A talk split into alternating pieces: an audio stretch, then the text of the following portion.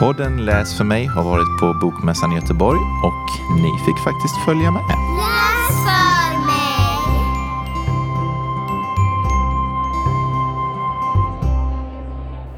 Ja, Carolina, vi har ju varit i Göteborg på Bokmässan och eh, träffat en hel mängd språksuperhjältar. Ja, Eh, och det blev så mycket material att vi får göra två MES-avsnitt helt enkelt helt enkelt. Vi kan inte avvara någonting. Nej. Ehm, och eh, vi kom ju till mässan och försökte hitta någonstans att spela in och det var inte alldeles busenkelt men vi hittade en korridor där vi har varit och jag tror att ja, efter förutsättningarna så blev det ganska bra ljudmässigt ändå. Det är ju, det är ju inte studiomiljö så att man får stå ut med att ljudet är väl inte så bra som, som när vi sitter i studion såklart men att jag tror att det blev helt okej ändå och ni lyssnare får stå ut med det. Helt enkelt, för det är så mycket klokskaper. Så Ja, ni får inte missa det här. Nix. Eh, och eh, om det är någon som försvinner lite grann så är det nog vi, du och jag Carolina, men våra gäster hörs klart och tydligt. Så det, det är viktigt. Mm. Eh, men vilka är det då vi väljer att ta med i det här första avsnittet? Jo, men vi, ämnena som vi kommer få ta del av, det är ju forskning kring lässtrategier i skolans värld Ja, och om hur man bygger och coachar läshunger. just det. Och vilka som berättar om det här, det får vi höra alldeles strax. Absolut, häng med. Ja, eh, nu står vi här på Bokmässan och ska göra ett eh, avsnitt för podden som heter Läs för mig. Och det är jag som heter Fredrik Holm och det är Jag som heter Carolina Durafor. Och vi har två gäster med oss. Det är Linda Ekström och Mikael Tengberg. Ni kan väl presentera er själva så att alla titlar och sånt blir korrekta. Vi börjar med dig Linda. Ja, eh, Linda Ekström heter jag alltså. Jag jobbar som forskare och projektledare på Skolforskningsinstitutet. Eh, jag är från början disputerad i statsvetenskap men har haft ett fokus på lärande inom statsvetenskap. Härligt. Vi välkommen till dig. Tack så hemskt mycket. Och sen har vi Mikael Tengberg. Ja, eh, jag är professor i pedagogiskt arbete på Karlstads universitet och eh, jag forskar om läsning och läsundervisning. Härligt. Ni är ju här idag för att ni ska presentera en eh, kunskapsöversikt som ni har gjort om lässtrategier och läsinlärning. Eh, men innan vi går in på den lite mer så brukar vi, vi samlar på språkminnen av skilda slag. Någonting som har gjort ett starkt intryck på en vad gäller kopplat till språket på så lång eh, ja, så långsökt man vill. Det inga, ingen prestige detta. Men eh, har du något språkminne du vill dela med dig av? Ja, jag kommer tänka på en sak men det är egentligen eh, kanske lite mer i vuxen ålder så att det kanske inte... Det är jättebra. Men jag tänkte i alla fall på när jag läste en fantastisk roman som heter Americana. Eh, Och jag har tidigare läst väl ganska mycket postkolonial teori eh, och eh, som akademiker så tänker man ju ändå att eh, facklitteratur har en liksom väldigt stark betydelse och kan öppna mycket dörrar och eh, öppna ögonen för en. Men jag upptäckte att när jag läste den så kände jag att jag behöver inte mer eh, teoretisk litteratur kring postkolonialism utan allt som jag hade lärt mig och som jag skulle vilja förstå fanns i den här romanen. Ja, det fanns i skönlitteraturen. Liksom. Ja, härligt. Tack så mycket för det. Mikael, har du någonting du vill dela med dig av? Ja, eh, om jag ska dela med mig ett språkminne så eh, skulle jag nog vilja prata om härmning tror jag. Eh, eh, ja, det, första gången jag upptäckte detta, eller eh, slogs av det, var när jag var på ishockeyläger när jag var liten, när jag var kanske 8-9 år. Och så, eh, så var det en kille där och han kom från Järfälla. Och så hade jag med mig några kompisar från Värmland där jag kommer ifrån. Och en av mina kompisar han blev så präglad av den här killen från Järfälla så han började prata stockholmska. Och vi tyckte det var så fruktansvärt löjligt att, han pratade, att han bytte dialekt. Okej. Mm. Eh, och sen så eh, långt senare, jag hann ju lära mig lite om, om detta, hur detta fungerade då, eh, på vägen, men långt senare så, eh, så insåg jag när jag satt i, i vuxen ålder i, tillsammans med sällskap eh, nere på eh, längs kusten i sydöstra Skåne. Så ins- med ett skånskt par och så eh, jag och min fru från eh, Värmland så insåg jag att jag satt där och när jag fyllde i så satt jag och sa ja, ja. och insåg plötsligt att eh, de kommer uppfatta att jag gör narr av dem. men det var inte meningen utan det bara liksom kom automatiskt. Eh, men, men detta fenomenet härmning det är ju liksom hela gru- Jag har ju förlåtit mig själv lite grann i efterhand då, när jag insett att det är hela grunden för språkutveckling. Att härma andra. Det är ju helt enkelt så vi lär oss språk. Ehm, men det har gjort ett starkt intryck. Ja. Jag, eh, ja, jag har också ett starkt minne. Jag hade kus, eh, kus, min mammas kusin och mina sysslingar då kom från Falköping. Och där, så fort vi umgås så slog jag över till den dialekten.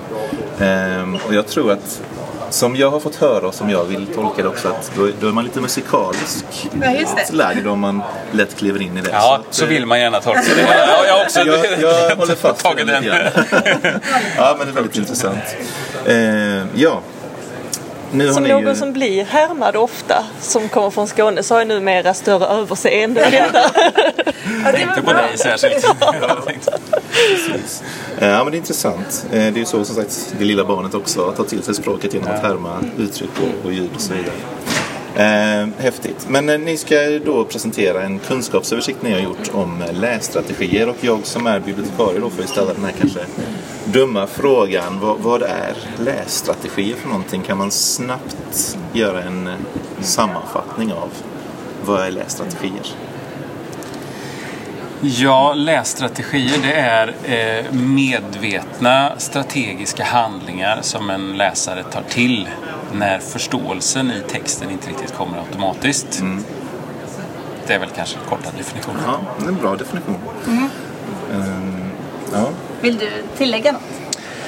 Eh, nej, jag tyckte att det var bra. Det är alltså eh, redskap som man kan eh, behöva ta till när det inte liksom just eh, att man inte bara utvinner förståelse av att läsa bara rakt upp och ner. Då kan man behöva kliva, ta ett steg tillbaks och göra mer aktiva handlingar för att liksom mer aktivt angripa texten och försöka utvinna förståelse.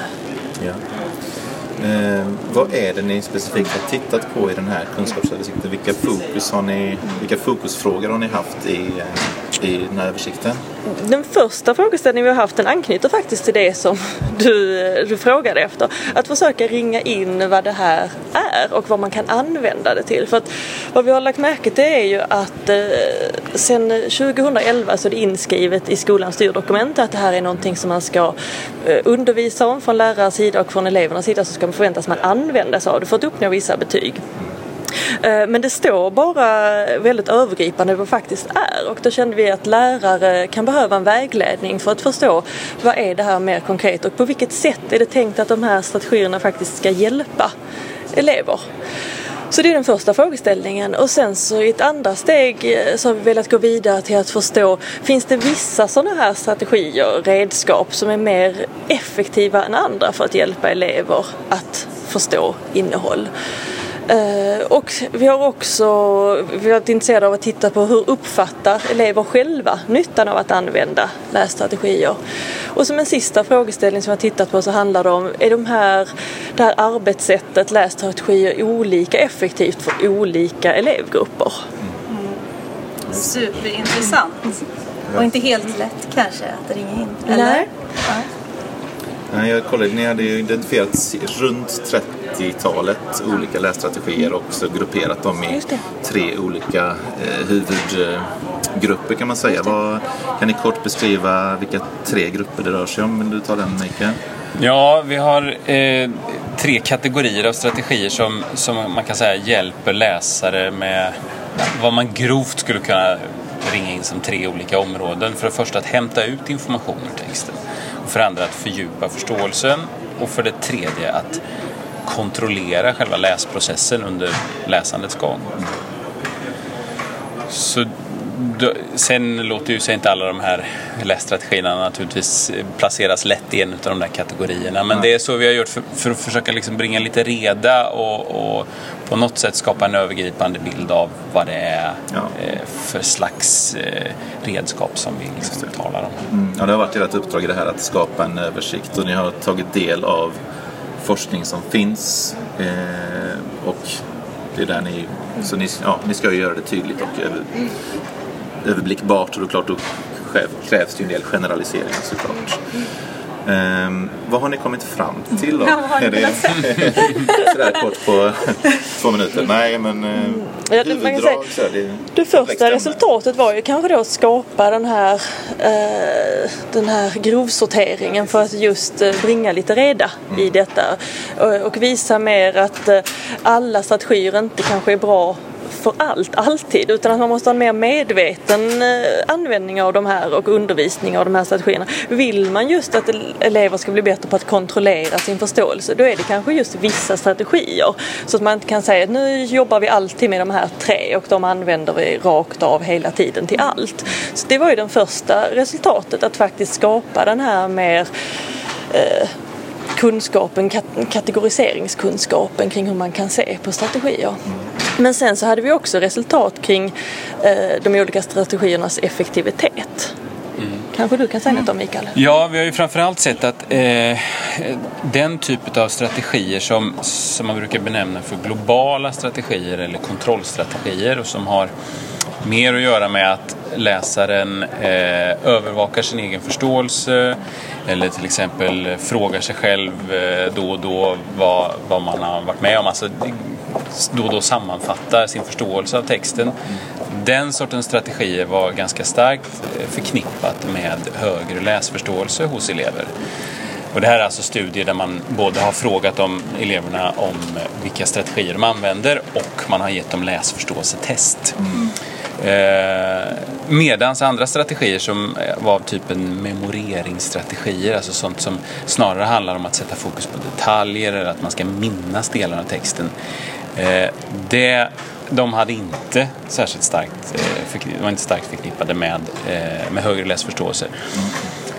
Och vi tror att det, snarare, att det snarast hänger samman med att de där strategierna kanske, om en läsare lägger för mycket fokus på det så, så bildar han eller hon inte sin egen mer sammanhängande förståelse av texten. Eh, och att det kan vara problematiskt, att det kan störa läsningen. Eller i alla fall störa en mer, eh, mer sammanhängande förståelse av textens eh, innehåll. Sen är det ju inte nödvändigtvis så för den skull att de här strategierna inte kan vara till nytta, för det kan de ju vara.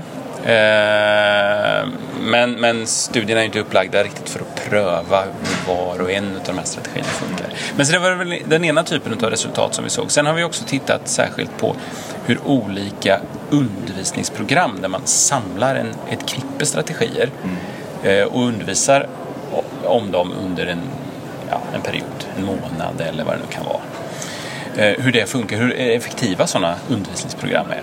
Och där har vi ju hittat att det finns både sådana program som håller på väldigt länge eh, och som inte ger nästan någon effekt alls. Och så finns det program som är väldigt korta och som har stor effekt. Och sen vice versa naturligtvis också då.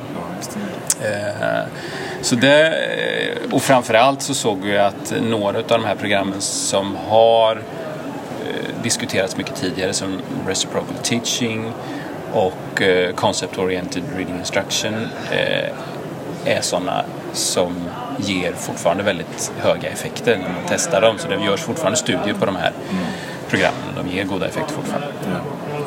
Men så hittade vi också eh, exempel på studier på datorprogram eller webbaserade program.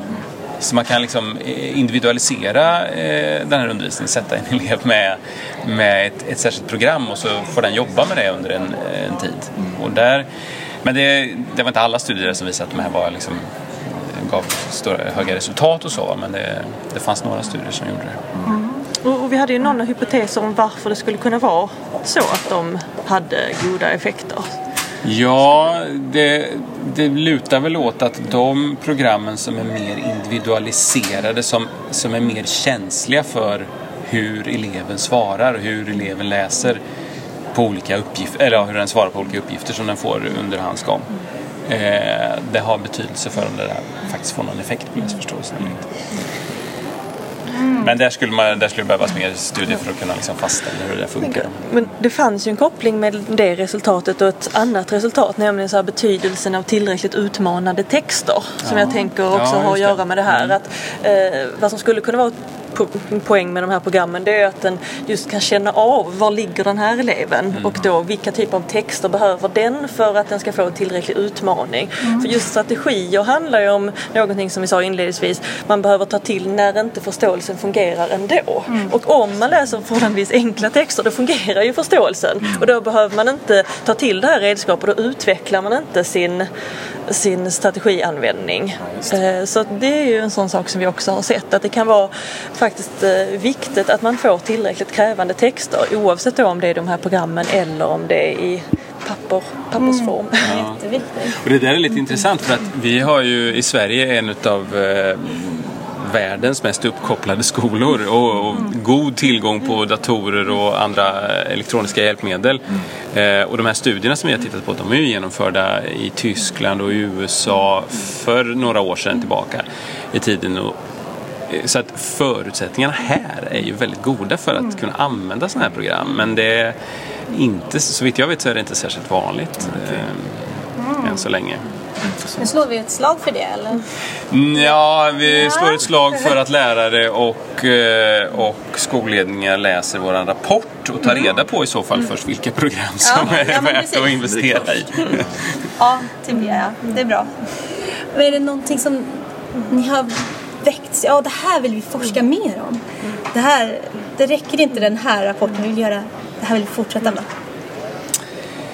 Ja, en sak som var lite intressant är ju det där när man, när man identifierar att somliga strategier ehm, inte framstår som, som att de har något samband med högre läsförståelse. Det är ju ofta för att det är strategier som används av elever som på de här testerna får lä- äh, ja, lyckas sämre. Va? Ehm, och det är ju lätt att gå till tanken då att ja, men då borde de eleverna jobba mer med de där strategierna som de bättre läsarna så att säga eh, använder sig av. Men inte säkert att det är de strategierna som de behöver alla gånger. Men det har vi inte riktigt studier på. Vi har inte hittat sådana studier som visar ja, men vad är det för strategier som hjälper olika läsare Just det. eh, i olika skeden. Och det skulle vi behöva titta närmare på till exempel. Det är en intressant utmaning för pedagogen klart när det finns så många olika strategier och det finns det är kopplat också till vilken text man har och, och vilken individ det är. Så det är många parametrar i den här. Eh, så det blir en utmaning för en pedagog tänker jag att hitta, hitta rätt i den här. Men då är er kunskapsöversikt en bra vägledning att, att, att börja i. Ja, och det är väl någonting som vi har försökt också betona att man kan ju inte föreställa sig att kanske någonstans i skolans värld att det finns det här mirakelpillret som vi kan ge till eh, lärare som är så undervisa på detta sättet på det här för alla så kommer det att fungera. Utan vad man kan göra det föreställer vi oss att ge just den här typen av fördjupande kunskap. Mm. För vi tänker oss det är liksom inte strategierna i sig som kan ge det här goda resultatet utan det är lärares, pedagogers, eh, bibliotekariers kompetenta användning av det här arbetssättet. Och för att kunna använda det på ett medvetet och klokt sätt så behöver man kanske den här djupare förståelsen. Och det hoppas vi att den här översikten kan bidra till.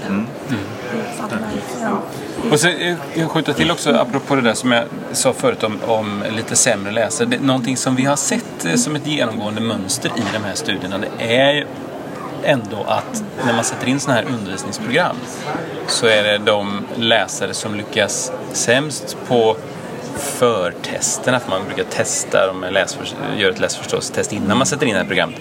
De som lyckas sämst på de läsförståelsetesterna innan, det är de som utvecklas mest.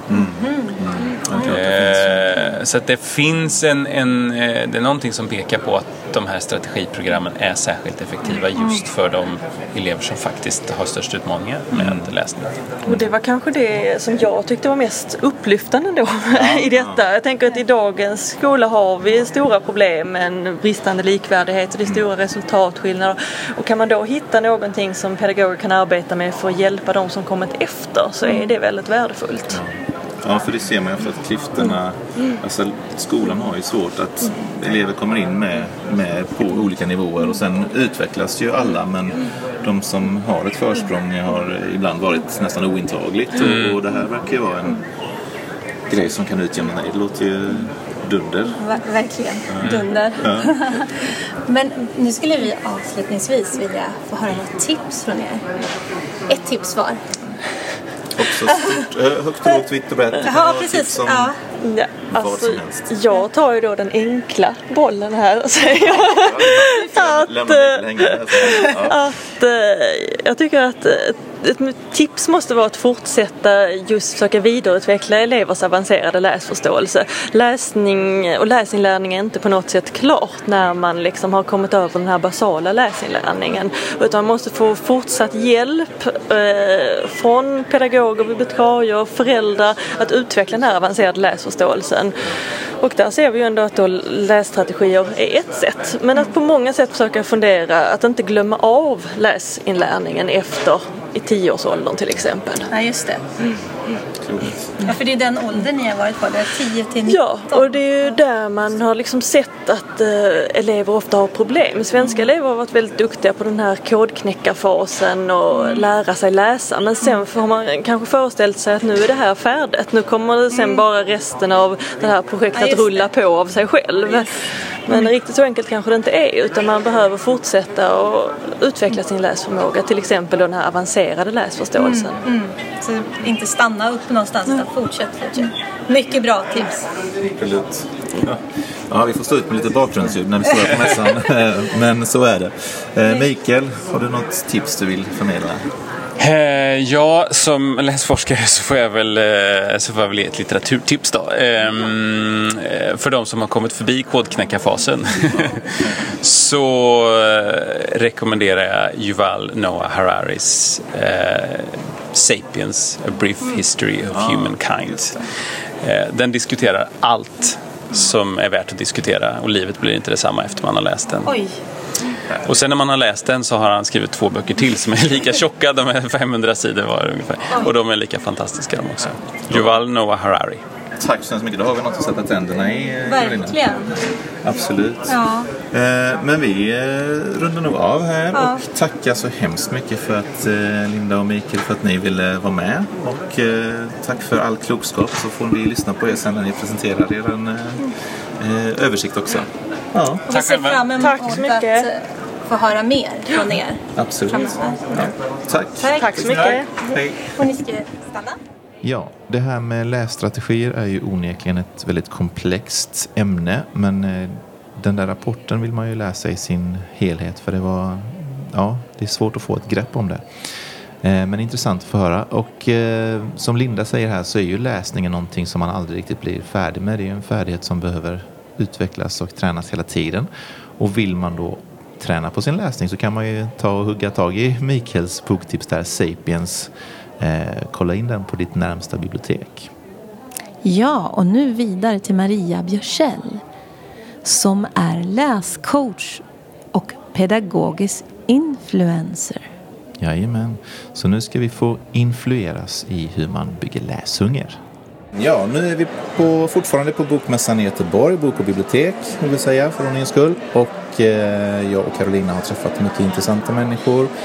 Språksuperhjältar av olika slag och nu står vi framför ännu en språksuperhjälte som vi var och lyssnade på för en liten stund sedan här. Som heter Maria Björsell och är läscoach. Berätta mer om dig själv. Vad ska jag säga? Eh, jag, jag kallar mig för läscoach, eller jag är en läscoach och kallar mig också för pedagogisk influencer eftersom mitt största uppdrag här i livet är just att få alla vuxna runt omkring oss att eh, känna, bli influerade och inspirerade eh, kring barns läsning och barns kunskapsutveckling. För läsandet är en väldigt, väldigt viktig del i hela framtida barnets framtid. Så. Mm. Vi eh, lyssnade på dig presentera en, en ja, vi lyssnade på dig prata här för en stund sedan och du hade en del lite skräcksiffror får vi säga, lite domedagssiffror nästan. Mm. Ja. Ska vi ta och gå in på det direkt? eh, stöta Jag det? Ja, det var, Kan jag säga när jag sa det. det var inga positiva nyheter men eh, du kan dra i stort lite grann vad det var du presenterade. Ja, eh, jag presenterade Mediarådets siffror kring barns och ungdomars läsning. Och den, de har mätt det här sedan 2012 och redan då, 2012, tyckte man att det var barn och ungdomar läste alldeles för lite. Och då läste 36 procent av våra tioåringar eh, böcker frivilligt. Så. Fritidsläsning. Ja, fritidsläsning så. Mm. Eh, och idag så är den siffran 16 procent. Så den har bara gått neråt. Eh, det som vi också ser på den här siffran är att av de där 36 som läste, 36 procenten som läste då 2012 så är ju de idag 17-18 år. Och de, eh, där är det bara 16 procent kvar som läser. Så att de slutar läsa. Och det som har hänt ytterligare domedagssiffrorna är att de slutar läsa och vi ser inte att trenden vänder. Och det har den gjort förut. Förut har barnen fortsatt läsa efter. Om man tittar på siffror från 12 och 14 och 16. Där började, for, så började man läsa, läsa vid 17-18 års ålder igen. Man började ta upp boken. Man hade en paus där som tonåring men sen börjar man igen som ungvuxen. Eh, men den har vänt neråt den trenden så nu finns inte, nu går, sticker den neråt också den siffran. Och det tycker jag är mest skrämmande. Oj. Ja. Verkligen. Eh, ja, Fredrik. du vill flika in någonting? Språkminne vill jag få in Just. först från, från Maria. Bra. Vi tar, vi tar det först och så fortsätter vi sen på det här. Absolut.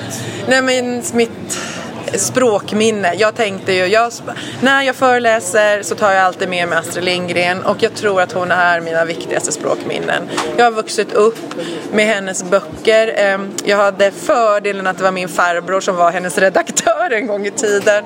Så att jag fick ju boken så fort den var varm. Så, ja, och det var någonting som var viktigt även när jag själv började bli lite äldre och egentligen kanske hade vuxit från hen- barnlitteraturen så var det ändå viktigt att eh, få den här eh, känslan av att det här var Astrid Lindgrens näst senaste verk.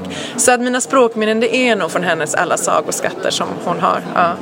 Och boken som fysiskt medium då också tänker jag att du har en liksom härlig relation till liksom Ja, precis. Ja. dyrbart i det här. Ja, ja, det var väldigt viktigt. Det var, det var eh, någonting som jag ja, såg fram emot att jag skulle få. Jag visste att nej, men nu är det på gång och sådär. Så att, ja, det är mina, ja. Känsla. ja, det var en härlig känsla. Ja, ja. Tack för att du påminner mig om att jag glömde lite. Eh, så är det när vi står här i huset och dyset. Men eh, ja, trenden är negativ, minst sagt. Vad kan vi göra för att vända den? Du arbetar som läscoach och eh, ja, Jo, vi måste vända den. Vi kan ju inte bara sitta och rulla tummarna och tänka att nej, men det löser sig själv. Vad vi kan göra, det är att just axla ansvaret som läscoacher. Att förstå att våra barn och ungdomar behöver oss vuxna i den här läsutvecklingen. Eh, idag, de växer upp i ett samhälle där det är så mycket som pockar på deras uppmärksamhet. Det finns alldeles för mycket runt omkring och vi, det är vårt vuxenansvar att hjälpa dem att sortera. Det, det är som jag sa till någon annan förut idag, jag ger ju inte mitt barn godis varje dag, jag ger dem en dag i veckan. Eh, på samma sätt måste jag tänka kring, kring allt det andra som händer runt barnen. Jag måste faktiskt eh, hjälpa dem att sortera. Och för att annars får de inte tiden till att bli de här läsarna. Och får de inte tiden att bli den här läsaren, då blir de det aldrig. För det är ingenting som kommer av sig själv. Och, så vi har ett jätteviktigt uppdrag här att sprida de här tankarna och få ut det till alla. Inte bara vi som jobbar i skolans värld utan förskolan och alla föräldrar och morföräldrar. Och, ja, det, det, det, alla vuxna i barnens närhet måste känna att vi vill att barnen ska äga sin framtid och då måste de få språket och språket får man via litteraturen. Och sen behöver man inte läsa sig till det utan man kan lyssna sig till det också. Jag brukar ibland få den frågan, men hur gör vi med de här som inte läser? Ja, ah, men det ena, att lyssna, lyssna läsa är lika bra som att läsa själv. Sen i skolans värld så lästränar vi för vi vill gärna att de ska kunna läsa själva. Men när det gäller upplevelsen och här, att få den här språket och få känslan av att förstå andra människor och andra världar. Den kan du få genom att lyssna dig till. absolut. Och Det är viktigt att poängtera. Det, Mm. Ja. det, det man inte får i lyssningen är ju bara alltså lästräningen. Färdigheten läsning övas inte upp. Men, men upplevelserna och det som händer i, Mm. Ja. i språkcentra och i liksom, det är fantasin, Ja. du får bilder i huvudet. Allt det där som är positivt med läsningen får du ju i lyssnandet också. Mm. Ja. Och det är ingen sämre variant. Liksom. Det är inte läsning light. Men, eh, Nej. Det- det ja. är ju att färdighetsträningen är inte där. Nej, precis, den missar du. Men den kan man göra på en annan och det kan man göra i skolan. Det är jag jättenoga med när jag pratar om det här läscoachning. Att jag säger inte att alla ska bli lästränare, ska, utan vi ska vara coacher, vi ska få dem att vilja läsa, vi ska liksom uppmuntra dem till det. Men själva lästräningen, det lägger vi på svensklärarna. Ja, det, jag, jag fastnade lite grann för vad du sa också i din eh, presentation här. Dels hade du sju steg som jag tyckte var intressanta Mm. men också att eh, man är inte färdig. Alltså det är vårt uppdrag eller lärares uppdrag eller mm, föräldrars uppdrag Ja, eller ja, vuxna, vi vuxnas ja. uppdrag är inte att få barnen att lära sig läsa utan att få dem att vilja Mm. läsa. Den tycker jag var så himla bra. Och Det är väl kanske där också just det här coach, alltså just att du har ju valt ett, som sagt språket igen, alltså språket är ju så värdefullt och hur vi benämner oss gör ju också hur vi ser på oss och vi tänker på oss. Så just eh, coachandet är ju något annat än, eh, vad ska man säga, en coach är någon som hjälper någon fram och lyfter på ett annat sätt. Precis en, precis, en coach lyfter ju genom att man hittar sin egen väg. En coachens viktigaste syfte det är ju inte att säga hur du ska göra utan det är att få dig att förstå hur du ska göra. Ja, och det är det som jag vill. För att det är det, det, är det jag märker. De barn och elever som jag möter, när de får den här Aha, det är så här jag ska göra. Det är dit jag vill. Det är då de läser. Det är då de orkar kämpa sig igenom det här. För det är jobbigt att läsa i början. Och det är då de själva väljer att kanske lyssna på en bok. Det är då de säger i bilen, men vi lyssnar på en bok istället för att säga vi tittar på en film. Alltså de, då har de, och det är för att de då känner, ah men det är det här, min väg är den här vägen. Och det, det är därför jag använder ordet coach. Inte mamma säger, fröken säger. Jag läste ju, det var jag kommer inte ihåg om det var Expressen eller Svenska Dagbladet men det var någon som skrev just om det här att hon kände sig som Stasi hemma för hon bestämde när barnens mediatid.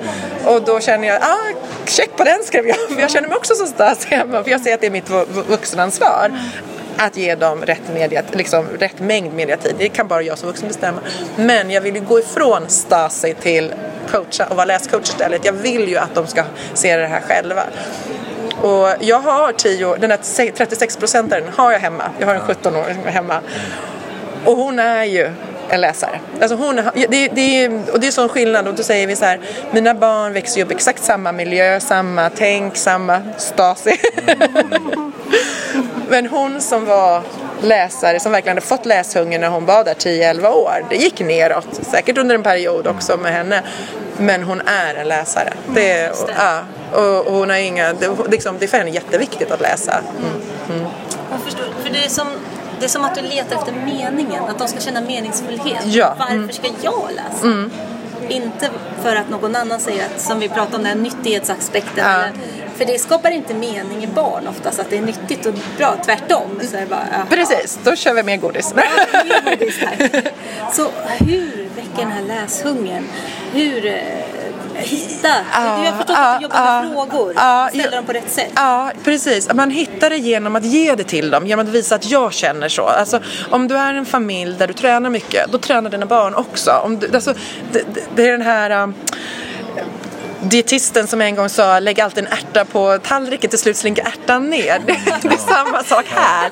Du måste, du ger dem, de får läshunger om de känner att de får den från er. Alltså det, det, och därför berättar jag ju också alltid att det börjar redan vid Liksom på skötbordet, det är redan där det startar. Men sen när man då jobbar i skolans värld så tar man ju över dem där och de har vi ett kompensatoriskt uppdrag från skolans värld. Alla de här barnen som inte fick det från skötbordet. Ja, det. ja. Eh, Men det kommer från oss vuxna. Det är vi som måste visa att läsning är njutfullt. Vi måste visa att vi läser, prata om det. Det är också hela tiden samtal om varför jag läser. Liksom, när jag, om jag läser en bok så kan jag ju faktiskt säga till min son, du vet jag läste så här om dagen. Du, du, du. Och, ja, och det får ju honom att känna, jaha. Så här. ja. Ja, här, vi får så många härliga Mm. beröringspunkter mellan dem. Vi, vi pratade ju tidigare innan lunch här så pratade vi med Elvira Ashby som är logoped och hon pratade också om det här med ehm, eh, läsande förebild. liksom, att man, eh, och det märkte hon att hon hade suttit och läst på eftermiddagen någon gång och då plötsligt så såg ju hennes barn Oj, sitter du läser du? Ja. Och det gjorde hon ju vanligtvis när de hade gått och lagt sig. så att man- också tar sig den tiden och läser på tider och platser där man syns. Mm. Ja, faktiskt. ja, men precis, Eh, ja. Och det kan ju verka stort. Jag har faktiskt tänkt på det när jag tågpendlar från Falkenberg till Halmstad där jag jobbar nu. Då försöker jag sitta och läsa på Ja. tåget för att visa folk Ja. att jag är en läsare. Ja, Alltså, precis. även- I vissa ungdomar, jag brukar säga det till eh, tränarna när barnen spelar handboll och fotboll. Ta gärna, ni måste inte läsa hela tiden, men ha boken i närheten så att de, de här barnen ser det när ni åker på kupper och sådär. Så att de, så de ser att vuxna läser, att det, även en som sportar kan vara läsintresserad och sådana saker. Man ser det från andra, det är inte bara fröken. För då blir det negativ klang. Vi måste få flera läsande förebilder. Så, och just det där med att läsa när de, när de ser det faktiskt. Ja. Det, sitta bredvid. Ja. Ja, och det är en sån här sak som jag säger till föräldrar när jag har föräldramöten. Sätt er och läs ihop. Inför varje sommarlov så bara boostar jag på bloggar och allt vad jag kan se.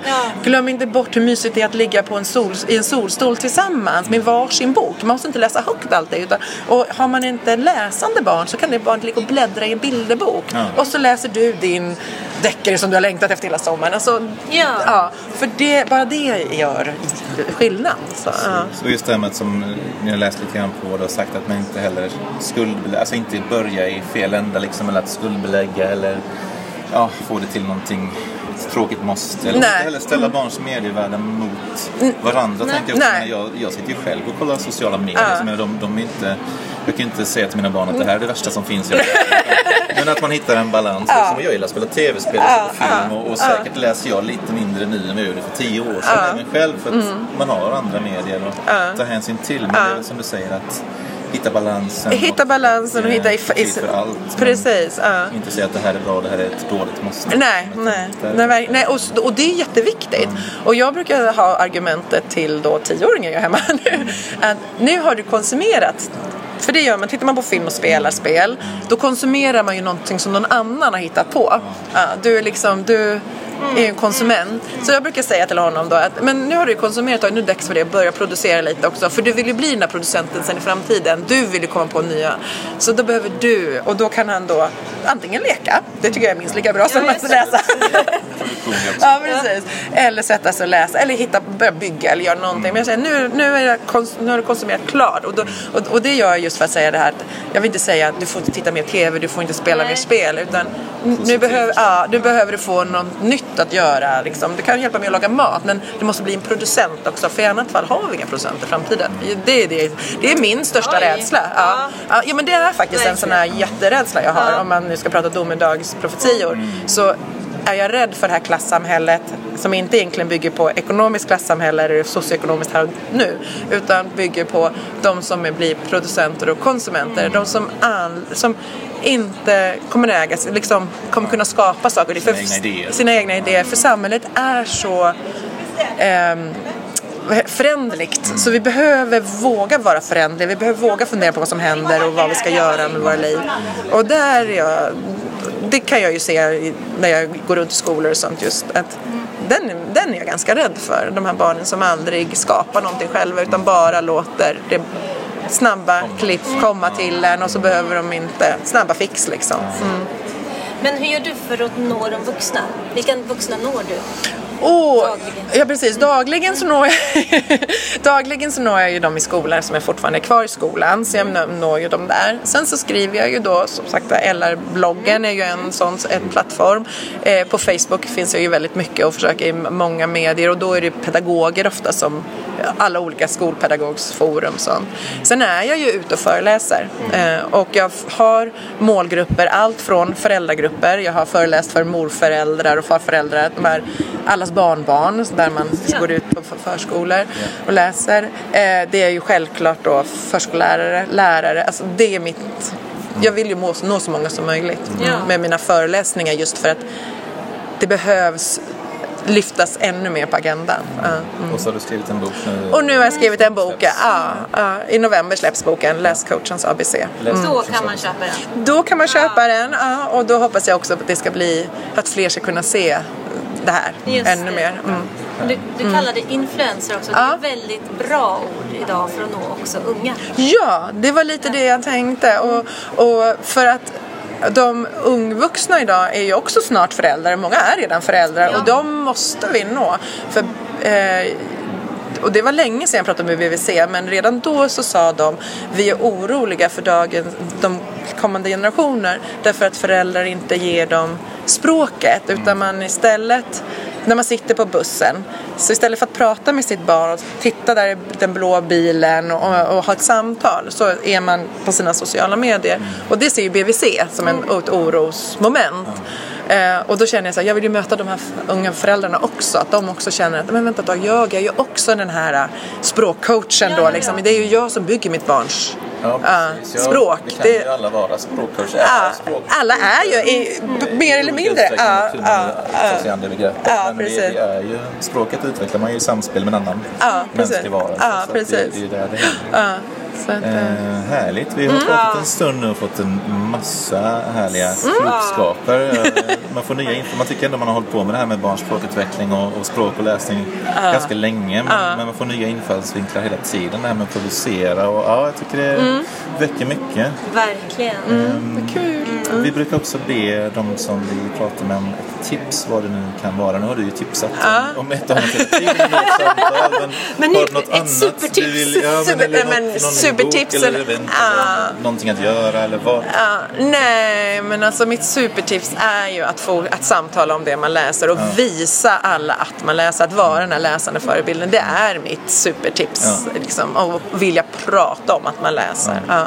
Det är så, alltid en bok i handen. Alltid en bok i handen. Där, där tycker jag vi avslutar. Perfekta sista ord. Ja. Allt i en bok, Anna. Stort tack Maria Ja, tack själv. att du Ja. gästade oss. Tack så hemskt mycket. Säger vi hej då från här och nu. Ja. Hej då! Hej. Hej då! Ja, det man märker när vi pratar med våra, våra gäster här att vilken liksom, engagemang och vilket, vilken pepp det finns. Liksom. Så att det känns som att de här dystra siffrorna från medierådet som vi, vi fick ta del av eh, kommer vi nog kunna vända med hjälp av alla inspirerande människor som finns som jobbar med det här med barns och ungas läsning. Ehm, och språket är så roligt. Jag, jag tänkte på att när jag plötsligt ska säga att vi står där i bruset så säger jag, står vi här i mässans sus och dus. Det är väl ett uttryck jag inte, jag vet inte om jag någonsin har använt det förut. Det, det är spännande. Eh, ja, nu har vi lämnat sus och duset på mässan och sitter här i lugn och ro. Eh, och ja, hon hade ju ett supertips där på slutet. Alltid en bok i handen. Alltid en bok i handen. Vad, had, vad lämnar du bokmässan med för bok? Eh, jag köpte ju inte så mycket. Jag köpte en bok om Fortnite till min son gjorde jag. Eh, men idag när jag gick till jobbet från tåget så, så valde jag att behålla min bok som jag satt och läste som heter Små eldar överallt. Och jag stoppade inte ner den i väskan utan jag gick med den i handen hela vägen från stationen. Som ett slags statement kanske, jag vet inte. Ja. Eh, ja ja, det tycker jag att vi influerar till. Precis. Och eh, där var första mässprogrammet slut och i nästa avsnitt så ska vi prata med Elvira Ashby som är författare och logoped. Och så ska vi prata med Johan Anderblad som precis har avgått som läsambassadör. Han kommer fortsätta sitt arbete. Ja, så gå bara vidare nu till Ja. avsnitt två helt enkelt. Exakt.